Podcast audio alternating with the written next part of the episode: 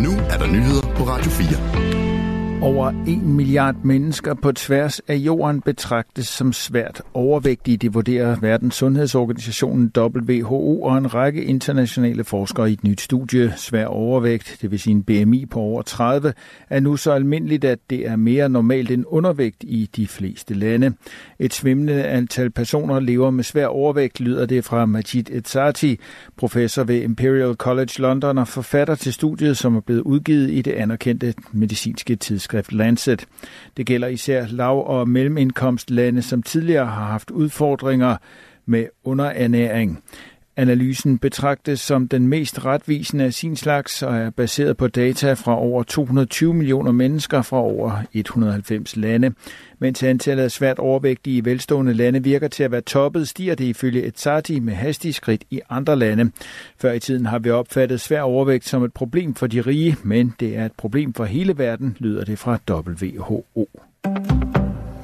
Efter en sløj start på året kom bilsalget atter i omdrejninger i februar. Tal fra danske bilimportører viser, at der blev indregistreret lidt over 11.000 biler i månedens løb, hvilket er 3% lavere end året før. Det er dog væsentligt bedre end januartallene, der lå 15% under niveauet i 2023. En af årsagerne er formentlig, at der blev indført nye afgiftssatser den 1. februar, som gør det en smule billigere at anskaffe sig en elbil.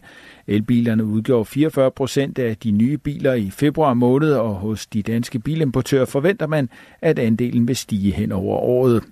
Elbilerne fylder gradvist mere i bilsalget, og vi har en forventning om, at elbiler kommer til at udgøre over 50 procent af alle nye biler i år.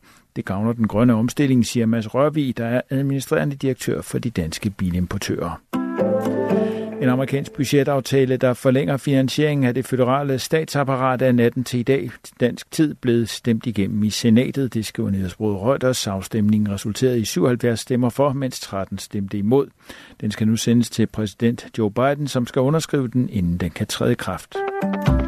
Skattestyrelsen har siden 2021 sendt ekstra momsregninger til små og mellemstore selskaber for 191 millioner kroner, det oplyser Skattestyrelsen. Regningerne er sendt som led i et kontrolprojekt, hvis formål er at holde ekstra øje med problematisk momsadfærd i netop sådanne virksomheder. Specifikt gælder det selskaber, som en eller flere gange slet ikke har angivet deres moms, selskaber, som har fået afvist deres ansøgning om momsregistrering, eller selskaber, der helt er blevet tvangsafmeldt momsregistreringen.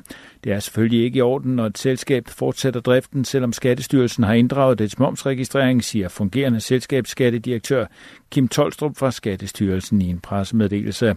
Endnu værre er det, hvis man driver virksomhed, der kræver momsregistrering og slet ikke har fået godkendt en ansøgning om registrering, siger han.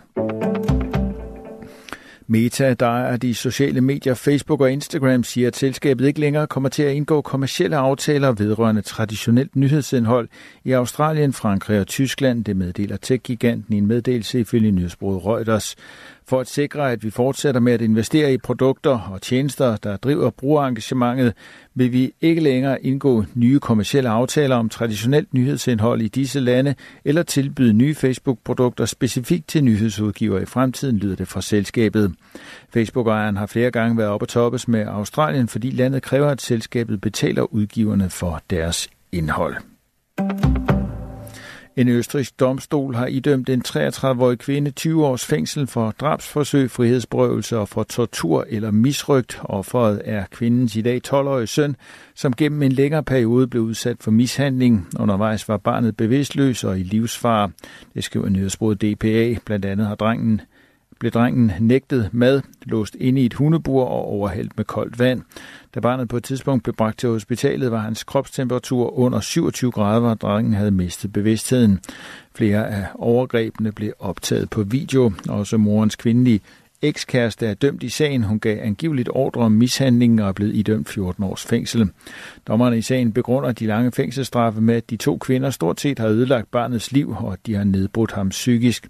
Selv har den 33-årige mor forklaret, at hun blot har forsøgt at opdrage sin angiveligt aggressive og uvågne søn, skriver DPA. Mod vest skyet og mest tørt vejr, ellers mod øst let eller nogen sol, men der kan stedvis også være dis og tåge. Vi får temperaturer i dag op mellem 5 og 10 grader. Det var nyhederne på Radio 4. De blev læst og redigeret af Thomas Sand. Du kan finde flere nyheder på vores hjemmeside radio4.dk. Okay.